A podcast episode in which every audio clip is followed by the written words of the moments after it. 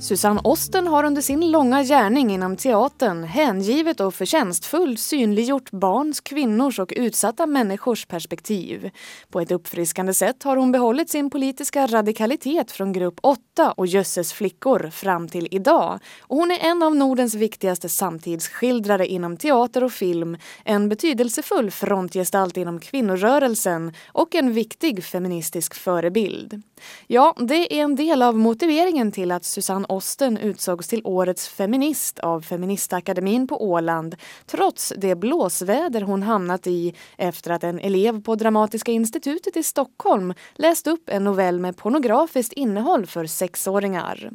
På internationella kvinnodagen den 8 mars var Susanne Osten på Åland och tog emot priset, något hon uppskattar alldeles särskilt just nu mot bakgrund av den senaste tidens händelser. Ja, det är härligt tycker jag. För att jag har känt till Ålandsakademin och jag har också läst när Maria-Pia Boesius fick priset och Berit Ås. Det är ju två kvinnor som jag känner till och beundrar. Så att jag blev väldigt glad. Och sen betyder det extra mycket nu för jag har varit väldigt skandaliserad och jagad på grund av en eh, studenthistoria eh, i samband med att jag undervisar på Dramatiska institutet. Och då har jag blivit väldigt både mordhotad och jagad och medialt bränd som häxa. Så att jag, jag måste säga att jag småler lite nu när jag sitter här på Åland och tar en paus och känner att, att det är skönt att vara eh, uppskattad för vad jag har gjort i så många år och att det som jag håller på med i Stockholm, att försöka rentvå mig från det är ja, det är ju ingenting i de stora linjerna. Det är storm i vattenglas men det har blivit en väldigt, väldigt, väldigt hetsjakt. Susanne Osten har tidigare tagit emot många priser, bland annat Svenska Akademins teaterpris 2003, Natur och kulturs stora kulturpris också 2003 och Expressens teaterpris 2002. Men betyder sådana här utmärkelser något för det hon kämpar för, för kvinnorörelsen? Jag tycker att det är viktigt för att det är någon slags erkännande att det har alltid varit så att kvinnor är både avundsjuka och stödjande i varierande grad och eh, det är inte alltid att vi har berömt varandra eller hjälpt varandra. Det kan man väl inte säga. Men jag har ju haft en krets kvinnor som alltid hållit på mig som tillhör de som startade Grupp 8. Och eh, det finns också en större ung krets kvinnor som har kommit med åren och varit väldigt intresserade. Så att jag, jag kan inte säga att jag känner mig bortdömd men att det spelar roll för det är ett speciellt öga på det vi gör och en speciell uppmärksamhet. Så att det här känns bra, verkligen bra. Hur jämställda är vi idag? Vi är inte jämställda. Många säger ju att vi är det. Vad säger du till dem? Ja, jag säger som jag skulle säga på 70-talet, det är dessutom en klassfråga. Det finns många män i underordnad position som hatar oss medelklassfeminister och tycker att vi är några riktiga bitchar och kärringar som gnäller över våra positioner. Och då tror jag inte de har tittat på vad det är vi säger utan det är mycket fantasier, mycket myter och fantasier. Det finns ju en hel del kvinnohat som är grumligt och osorterat. Jag tänker bara, gå till fakta. Hela tiden. Man skulle hela tiden ha en liten statistisk årsbok i handen och bara visa alla män och alla kvinnor som säger att det där är bara nys eller det där är överdrivet. Titta på det här. Så skulle de se att om vi bara håller oss till rättvisa, ingenting annat, bara till rättvisa, då är kvinnor inte jämställda. Många män och även kvinnor som inte riktigt tror på det här med feminism säger ju att statistiken är missvisande. Ja, det är väl bra att vara kritisk. Eh, det är väl bra att alltid ställa kritiska frågor kring allting. Statistik kan ljuga, eh, människor kan alltid ljuga, de har alltid ljugit. Kyrkan har alltid ljugit. Eh, när det gäller vissa fakta är man inte intresserad. Eh, man framställer judarna som orsaken till Kristus död och så vidare. Man har alltid ideologi bakom påståenden. Men statistik är också en metod man kan granska och se är det riktigt statistiskt gjort. Och då säger jag, jag tror på statistisk årsbok. Det gör jag faktiskt. Du har ägnat en stor del av ditt liv åt det här med kvinnofrågor och tänkt en hel del över det. Vad har du kommit fram till är orsaken till att vi inte är jämställda? Det är, finns många orsaker. Eh, och det finns ju många djupa och stora verk som man måste ta sig igenom för att kanske skrapa lite på ytan. Men det finns antropologer som tittar på samhällen och ser hur kvinnor och män organiserar sitt liv. Och där kvinnan ofta varit förknippad med gåvor, byten. Man har använt kvinnan som en bytestransaktion. Eh, hon har blivit bunden som en dyrbar gåva till familjebildningar. Det är ett sätt att titta på det. Hur har människan organiserat det här med familj, samhälle och klaner? Och finns det några andra samhällen? Den andra saken är också som vi har organiserat arbetet och makten i våra samhällen. Vad har kvinnan haft för yrke och var hon självständigare i bondesamhället hade hon en större roll där, där hon kunde ta del av den produktionen. Stora delar av Afrika så är kvinnan som är ensamförsörjare också driver jordbruket. Betyder det att hon har någon makt? Nej, det betyder inte att hon, hon får inte ens lån i Världsbanken. Det betyder inte att vi ger henne det, det inflytande hon faktiskt har över ekonomin. Det betyder tyvärr inte att, att det hårda arbetet kvinnan alltid har gjort eller organiserat, att det leder till att hon har del av ekonomin. För det är en maktfråga.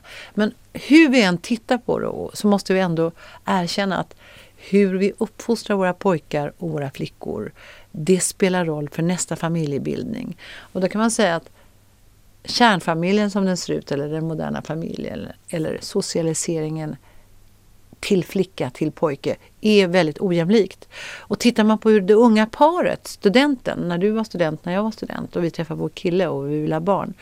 Det såg annorlunda ut än när vi faktiskt får familjebilden och börjar fördela sysslorna. Där ser vi att där inträder en ny ojämlikhet. Fördelningen av sättet att arbeta i hemmet och vem tar hand om barnet och hur gör vi med föräldraledigheten. Betyder det då att kvinnan alltid är ojämlik, att hon alltid har det dåligt? Nej, det gör det ju inte. Det kan, en del män kan med förfog hävda, jag tänker på alla amerikanska män, som då gick bort tidigt från hemmet och aldrig såg sin familj och kom hem sent och var the breadwinners, att de hade förfärliga liv och de dog tidigare. Eh, en del kvinnor hade förfärliga liv och tråkades ihjäl men det där är ju subjektiva saker. Men har vi organiserat samhället på det bästa, mest stimulerande sättet för människan, det är en fråga. Gör män och kvinnor ungefär samma sak? Gör de ungefär lika mycket tvätt, mycket sånt här hushållsarbete som man lägger ovanpå arbetet? Eh, deltar de i barnens uppfostran? Och då ser vi att det är enorma skillnader. Lever väldigt många kvinnor och barn ensamma? Ja. Och männen eh, lever utan familjer om man tittar statistiskt och så. Är det där bra för barnen? Är det här det, det, skapar det ny jämställdhet? Nej. Hela sitt liv sedan Susanne Osten föddes 1944 har hon levt med feministiska tankegångar. Men det var först när hon kom med i kvinnorörelsen Grupp 8 på 70-talet som hennes arbete började synas i det offentliga. Idag är hon konstnärlig ledare på Unga Klara på Stockholms stadsteater. Hon regisserar även film och är professor i regi på Dramatiska institutet. Hennes vuxenpjäser, som hennes namn kanske mest har förknippats med, har ofta en feministisk profil, exempelvis Tjejsnack och Jösses flickor, som hon skrev på 70-talet tillsammans med Margareta Garpe. Sedan Susanne Osten började arbeta för jämställdhet mellan kvinnor och män har mycket förändrats i samhället och kanske har även målet för kvinnorörelsen förändrats. Egentligen ska man säga, vad är målet med livet? Skulle det vara lycka? Skulle jag vilja fråga ibland. Skulle vi vilja vara lyckligare? Skulle vi vilja vara lyckligare? Då skulle vi inte arbeta på det här sättet. En av den tidiga unga kvinnorörelsens idéer var ju sex timmars arbetsdag. Vi jobbar alldeles för hårt. Eh, det är inte bra för de små barnen, det är inte bra för kvinnor och män. Det skapar sjukdom och eh, det skapar en, en, en ensamhet och eh, slitskador. Det är inte bra. Det finns ju fantastisk forskning nu som visar att om man jobbar sex timmar så, så, så blir folk inte så nedslitna. Jag tror vi organiserar vårt samhälle helt åt helvete om jag får använda detta starka traditionellt manliga uttryck. Är målet att bli jämställda med männen? Att kvinnor eh, bemöts och behandlas på samma sätt som männen? Ett, mål, ett delmål är ju rättvisa. Varför ska det vara olika betalt för samma arbete? Och, och, varför ska kvinnor vara rädda för att gå ut i det offentliga rummet och vara rädda för att bli våldtagna eller, eller våld? Det ska ju ingen människa behöva vara rädd för. Så att det är klart att arbetets organisation och samhällets organisation hänger ihop med trygghet och människor och respekt för människan. Och rättvisa. Det, finns, det här är en stor filosofisk fråga. Kommer rättvisa någonsin kunna skipas och då går den ut över någon annans rättvisa? Men när franska revolutionen etablerade frihet, jämlikhet, broderskap då var det ett nytt tänkande och då var inte ens kvinnan nämnd. Och idag så tycker vi att det är ganska självklart att kvinnan ska vara jämställd mannen och att det ska finnas rättvisa. Vi är inte där. Om vi ser till mans och kvinnoroller, är mansrollen fri? Mansrollen tycker jag är diskuterad på ett väldigt intressant sätt av Susan Faludi i eh, Ställd, heter den översatt till svenska. Och det, ja, det, är en mycket tragisk genomgång av eh, mannen och eh, han försvinner ju då som brödvinnare, breadwinner och blir eh, obsolet. För han blir onödig. Han blir, en, han blir någonting överblivet i det amerikanska samhället. Och han är tvungen i sin kris att eh, försöka omdefiniera sig själv. Medan kvinnan är den som tränger in på arbetsmarknaden och har hittat en ny roll. Och där kan man se Faludis skildring av män som hon intervjuar i alla samhällsklasser som någonting tragiskt, alltså mansrollen i den traditionella gamla meningen, den måste byggas om. Precis som kvinnan har passat på att erövra arbetsmarknaden och byggt om den traditionella kvinnorollen. Hon har ju haft hon har mycket att vinna på att erövra makten. Och där hon erövrar makt så tas den från män. Därför är det här bittert. Det är mer problematiskt och konfliktartat än vi vill erkänna man och kvinnorollen som de ser ut idag. Vilka begränsningar finns det för respektive kön inom rollerna? Det finns en massa begränsningar och sen är det den här sexualiseringen som vi har en anledning att titta på. Alltså den här porrindustrins enorma framväxt. För det måste jag säga att när vi bekämpar porrindustrin med texter på 70-talet, teaterpjäser alltså menar jag, och vi tyckte den var förskräcklig. Det var ju ingenting mot vad vi ser idag. Så vi kunde inte ana den här flodvågen och hur skicklig porrindustrin har varit på att etablera sig i nya mediaformer och så vidare. Det är en jätteindustri som, använder, som också organiserar knark kanske och trafficking och barnsex. Och det finns en ohygglig flodvåg av problematisk, ond eh, ska jag säga, människohantering i den här verkligheten med de här mediafigurerna ska vi försöka älska och eh, vara sexuella varelser och föda barn och uppfostra barn. Det är ju kris. Eh, vi har ju nästan ingen reglering överhuvudtaget. Det bara väller fram. Och jag tycker samtidigt att vi har ett sexualfientligt samhälle. Vår lilla barnteaterpjäs som projekt som vi håller på med på DI har ju gjort, skapat enorm moralisk panik. Men det ska då ses mot vi gör en tabbe, en student läser en porrnovell för små barn. Det är verkligen dåligt. Jag, jag stöder inte det. Men det ska ses mot hela den här fonden av en ohyggligt stark sexualiserad samhällsutveckling. Där barn ska lämnas framför tv-apparaterna och, och spela Playstation och har en väldigt våldslekkultur. Vad är det här för samhälle som vi lever i i förhållandevis till de ideal i alla fall jag hade när jag var ung och formulerade feminismen och jämställdheten. Det är ett ruskigt hårt samhälle. Frågan är, har det alltid varit så? Det var det att det har bytt uttryck. Och idealismen kommer alltid stå där lite som en skolflicka i nystruken klänning och bli chockerad. Eller är det så att vi har faktiskt erövrat nya moderna insikter samtidigt som det har förråats och marknadskrafterna är helt fria.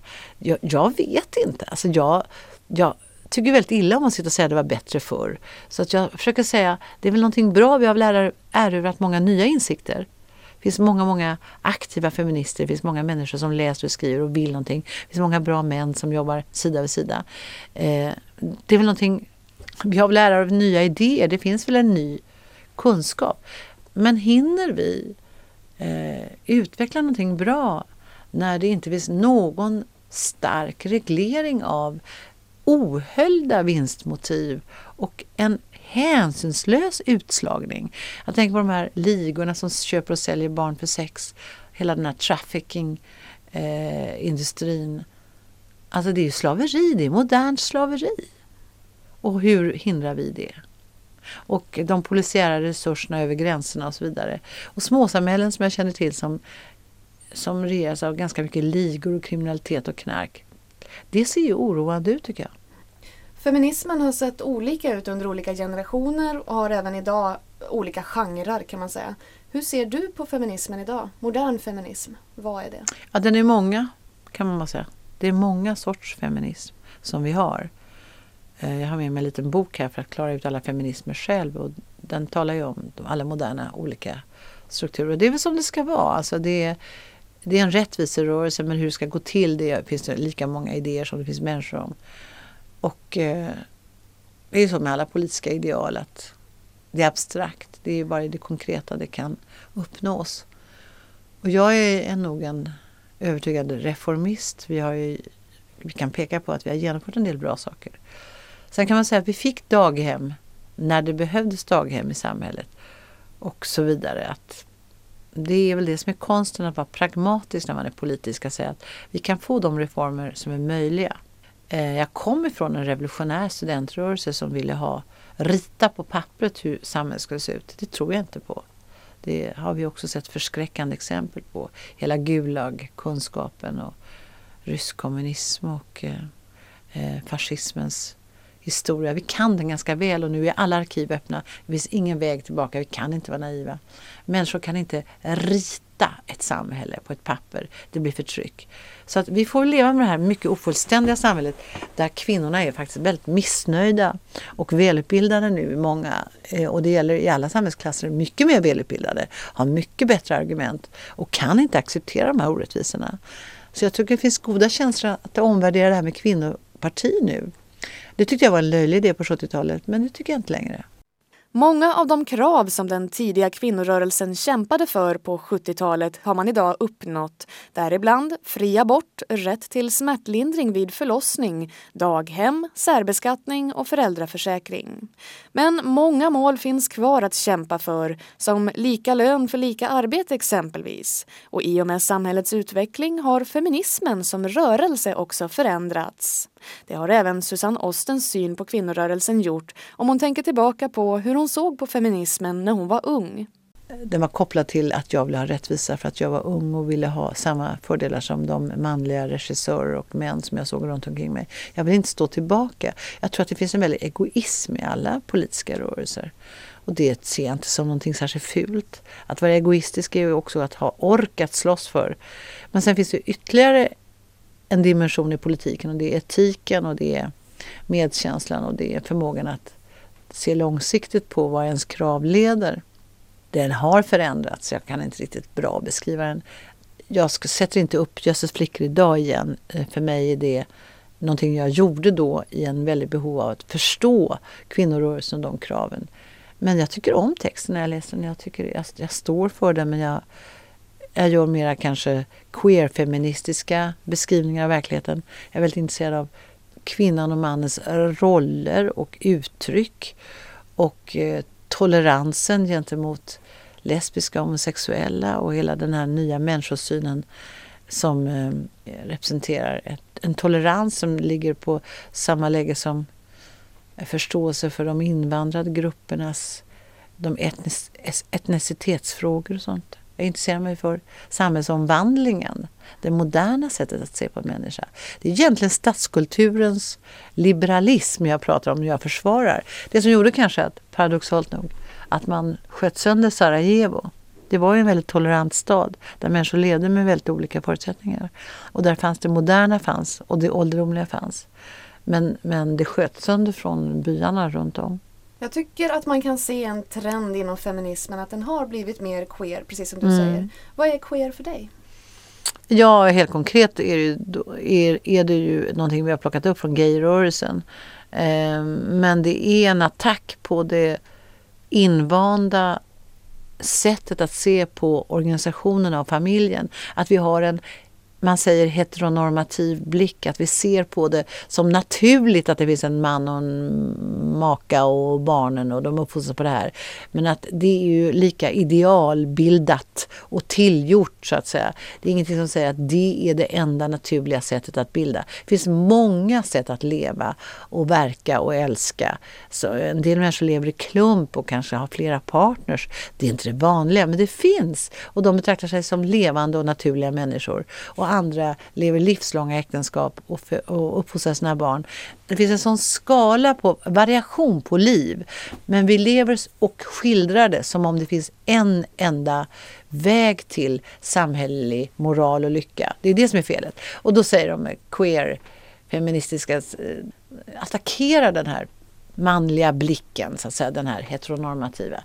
På teatern innebär det kort sagt att allting är inte boy meets girl och så blir de kära sen lever de resten av sitt liv. Utan det är boy meets boy och girl meets girl och, och det behöver inte alls vara så att de lever lyckliga hela livet. Det finns en helt annan samhällsbeskrivning att göra. Ett modernt sätt att beskriva skådespelare som kunde spela kvinnor kunde spela män och män kunde spela kvinnor och leka lite med de här rollerna. Det har jag gjort tidigare. Jag har gjort det i närmare 20 år. Har jag gjort sådana berättelser.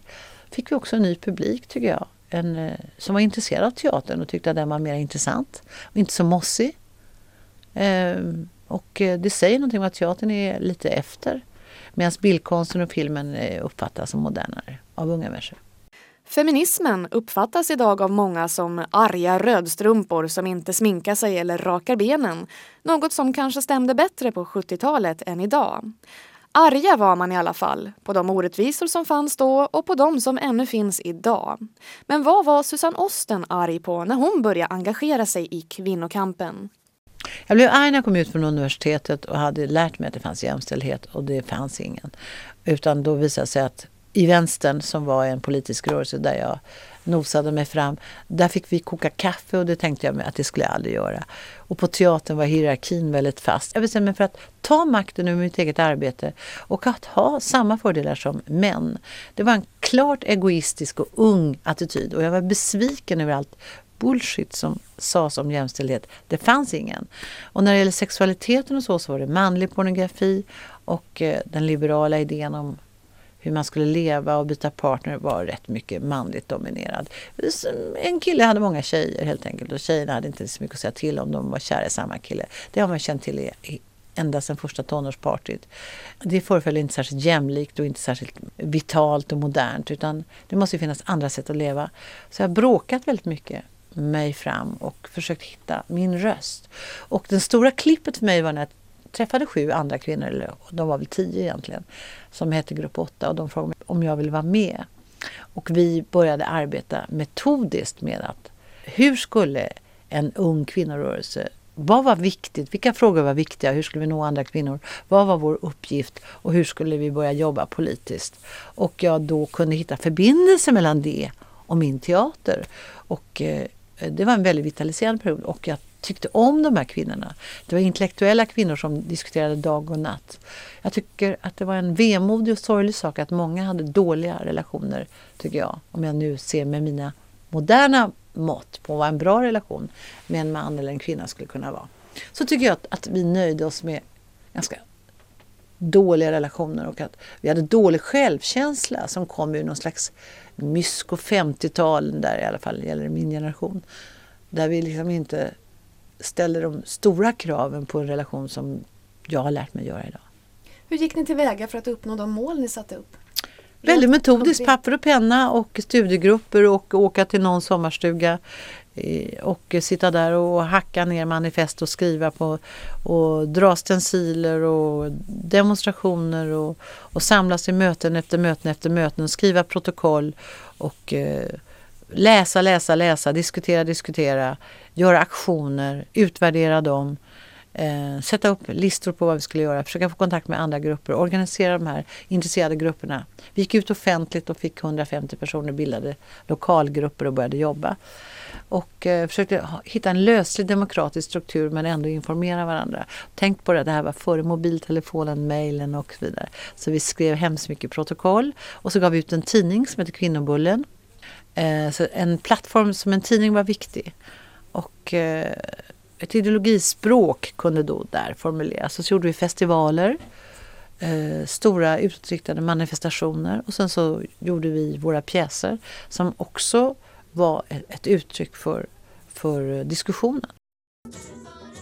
Hur fortsatte du sedan från grupp 8? Jag släppte nog greppet om den organiserade kvinnorörelsen och bild, gick in i något som heter kvinnokultur med bland annat Sonja Åkesson och eh, andra kvinnor. Och vi ville hitta en plattform som var lite lösare, som inte var så partipolitisk eller inte var så strängt organiserad mot politiska frågor, som var kulturella. Alltså det kunde vara lite lösligare plattform att andra kvinnor som var intresserade av att samsas och samtala och bidra till eh, kvinnokultur och det kunde vara en bredare, det behövde inte definieras också med ordet, det kunde vara bilden eller hantverket eller, eller samtalet eller forskningen och så vidare. Fanns teatern med hela tiden? Eller För mig ja. Hur startade det? Ja, jag har haft en fri grupp då när jag var i Stockholm som heter Fickteatern. Och eh, jag är en ohejdad teatermänniska så allting går in i teatern för mig. Även om inte allt är pjäser med kvinnoteman så går allting in i teatern. Så jag använder allt jag ser och läser. Efter akademiska studier i Lund på 60-talet startade Susanne Osten sitt arbete med att regissera den fria teatergruppen Fickteatern mellan 1967 och 71. 1975 startade Susanne Osten Unga Klara, en barn och ungdomsenhet inom Stockholms stadsteater. Och hennes arbete med barn och ungdomsteater betecknas som banbrytande, inte bara i Sverige utan i hela Europa. Bland annat har hon satt upp barntragedierna Medeas barn och Hitlers barndom. Att arbeta på ett så utåtriktat och offentligt sätt som teatern är har gett Susanne Osten goda möjligheter att påverka kvinnors och barns situation i samhället. Jag har varit med och ändrat många attityder tror jag och skapa nya bilder. Ehm, jag tror att jag såg min, mitt arbete som, eh, arbete som förebild. Alltså jag har undervisat mycket. Jag tror det är viktigt. Innan jag började som kvinnlig regissör fanns det en eller två i Sverige. Och det, så är det inte längre. Och eh, både på filmområdet och teaterområdet är förebildsarbetet. Att undervisa är viktigt. Det andra var att ge bilder för eh, andra sätt att berätta om människor. Det, där tror jag att jag har gjort en hel del. Fört in psykoanalysen och barnkulturen. Jag har varit väldigt intresserad av barnkulturen och det är ju inte ett, ja det är traditionellt en kvinnosfär. Så att det, det, kanske hänger ihop med det att det var lågstatus, inga män gjorde det. Jag kunde göra någonting bra av det området. Det fanns inte. Men eh, hade inte lagt sig på det.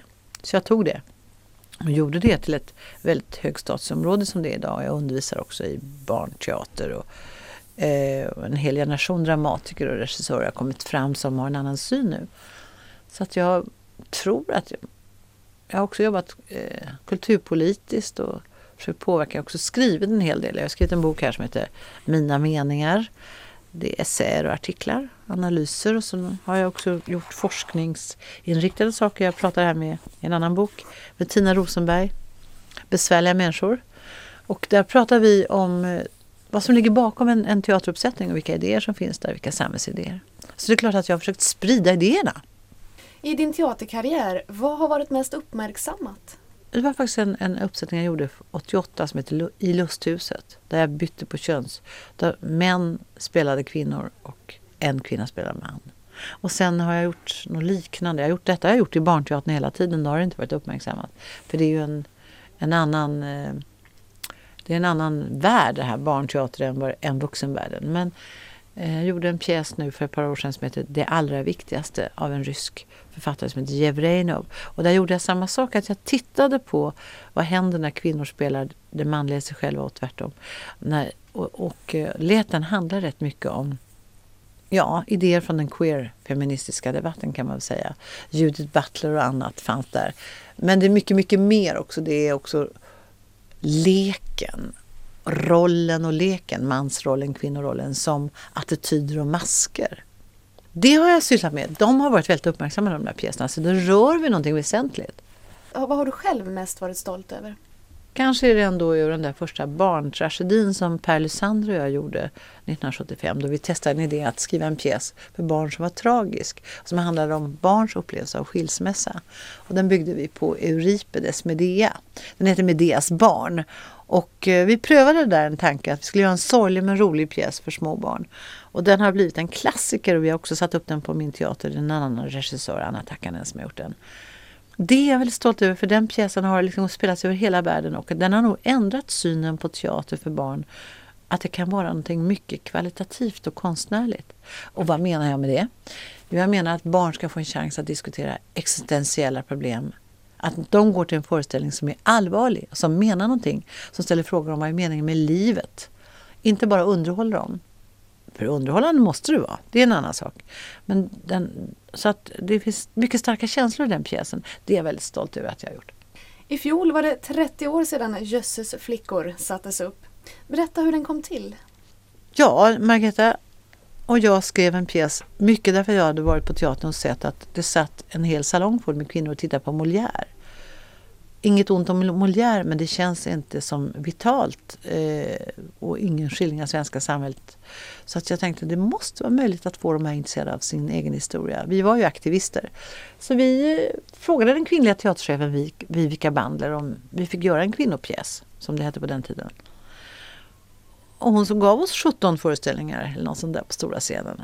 Och vi satte igång och eh, studerade på Arbetarrörelsens arkiv och tog kontakt med alla möjliga kvinnogrupper och vår egen.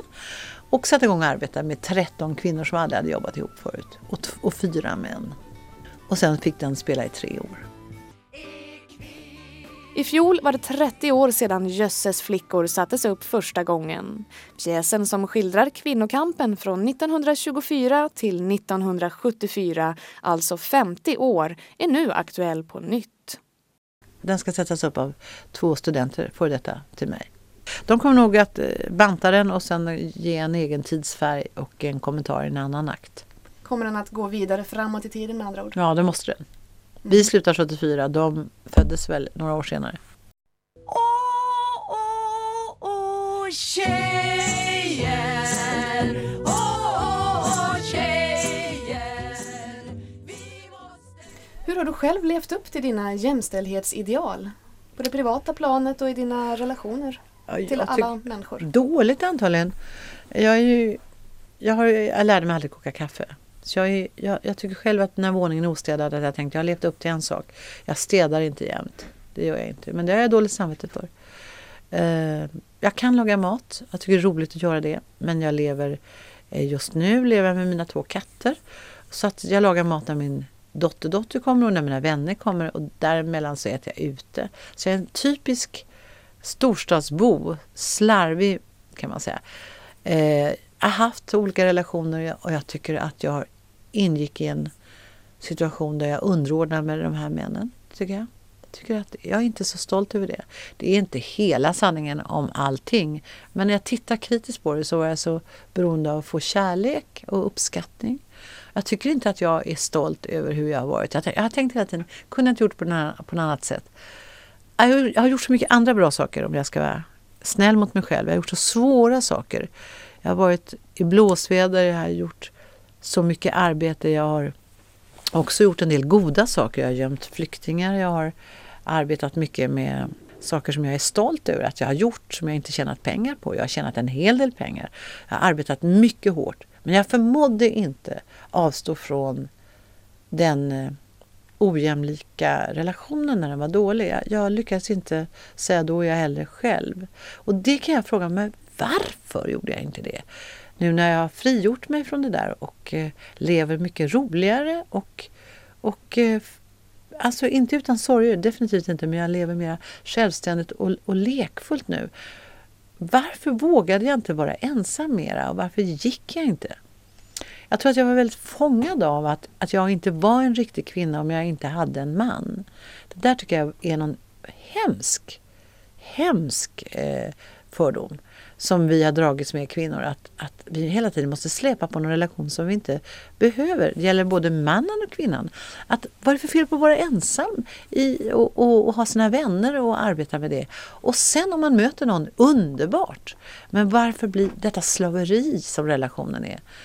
Eh, jag har massor av tankar om det där. Att det, det är en slags hjärntvätt vi genomgår som heter kärleksindustrin. Min mamma var ju filmkritiker så hon måste ha satt mig på bio för mycket. Jag trodde på den stora kärleken. Och när den inte fanns där, för det märker man ganska snabbt, då börjar man dikta den. Nioåringar lockades att lyssna på samlagsljud i skolan. Professor Susanne Osten säger barnen såg inte chockade ut. De fick höra på porrljud.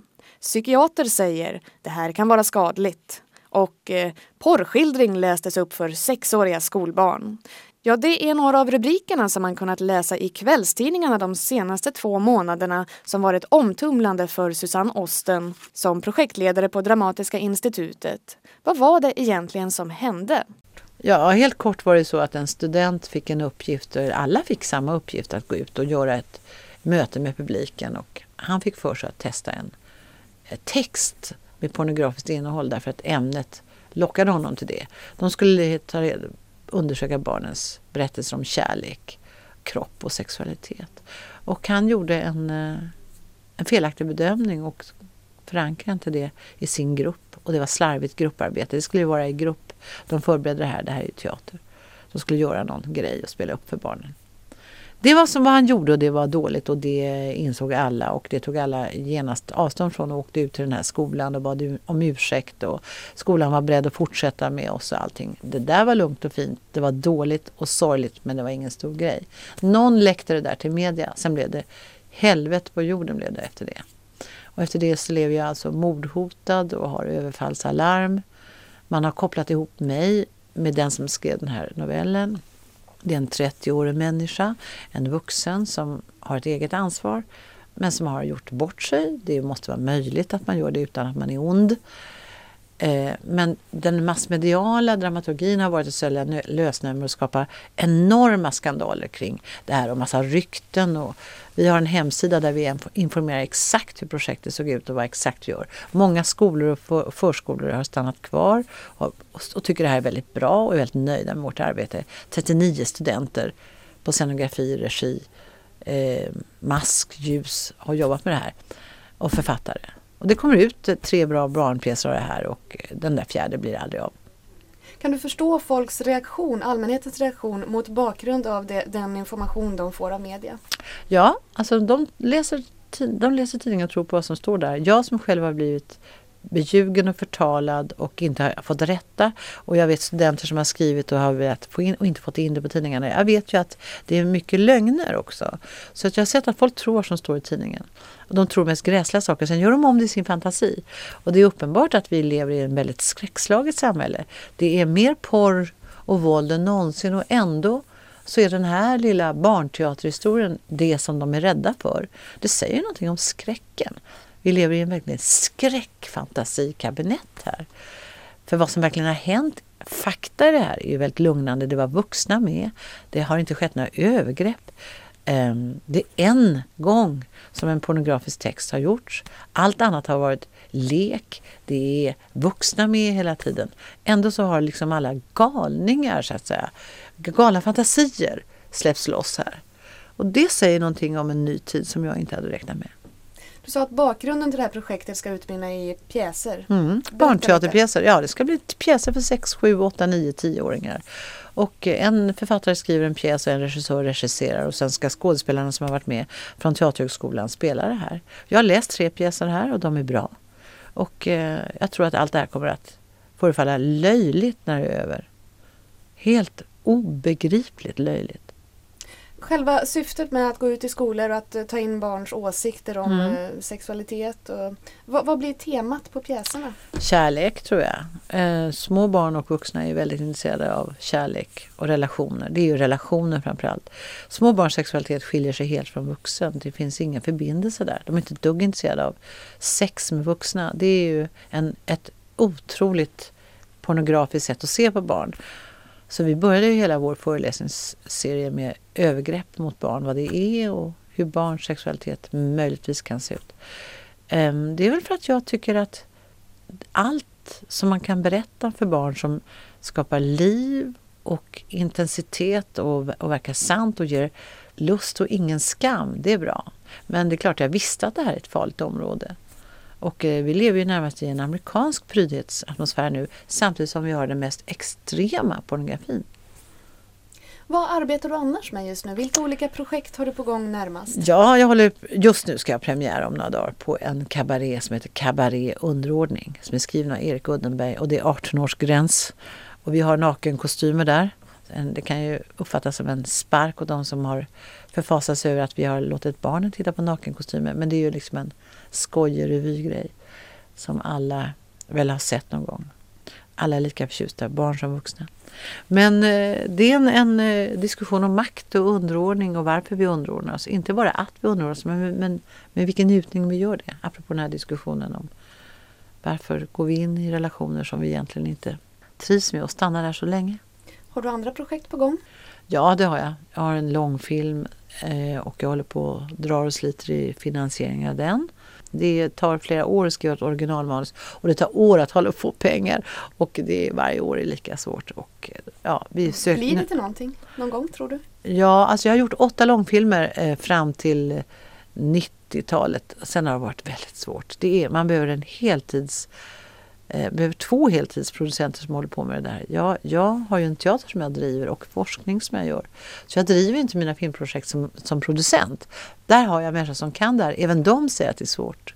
Jag är ju inte en sån som gör stora bästsäljande filmer. Jag gör ju mer udda projekt och det gäller verkligen att hitta någon som tror på det. Och då har jag hittat två väldigt bra producenter som har eh, ett bolag i Danmark. Men de söker ju pengar som alla andra och det ska in med fonder.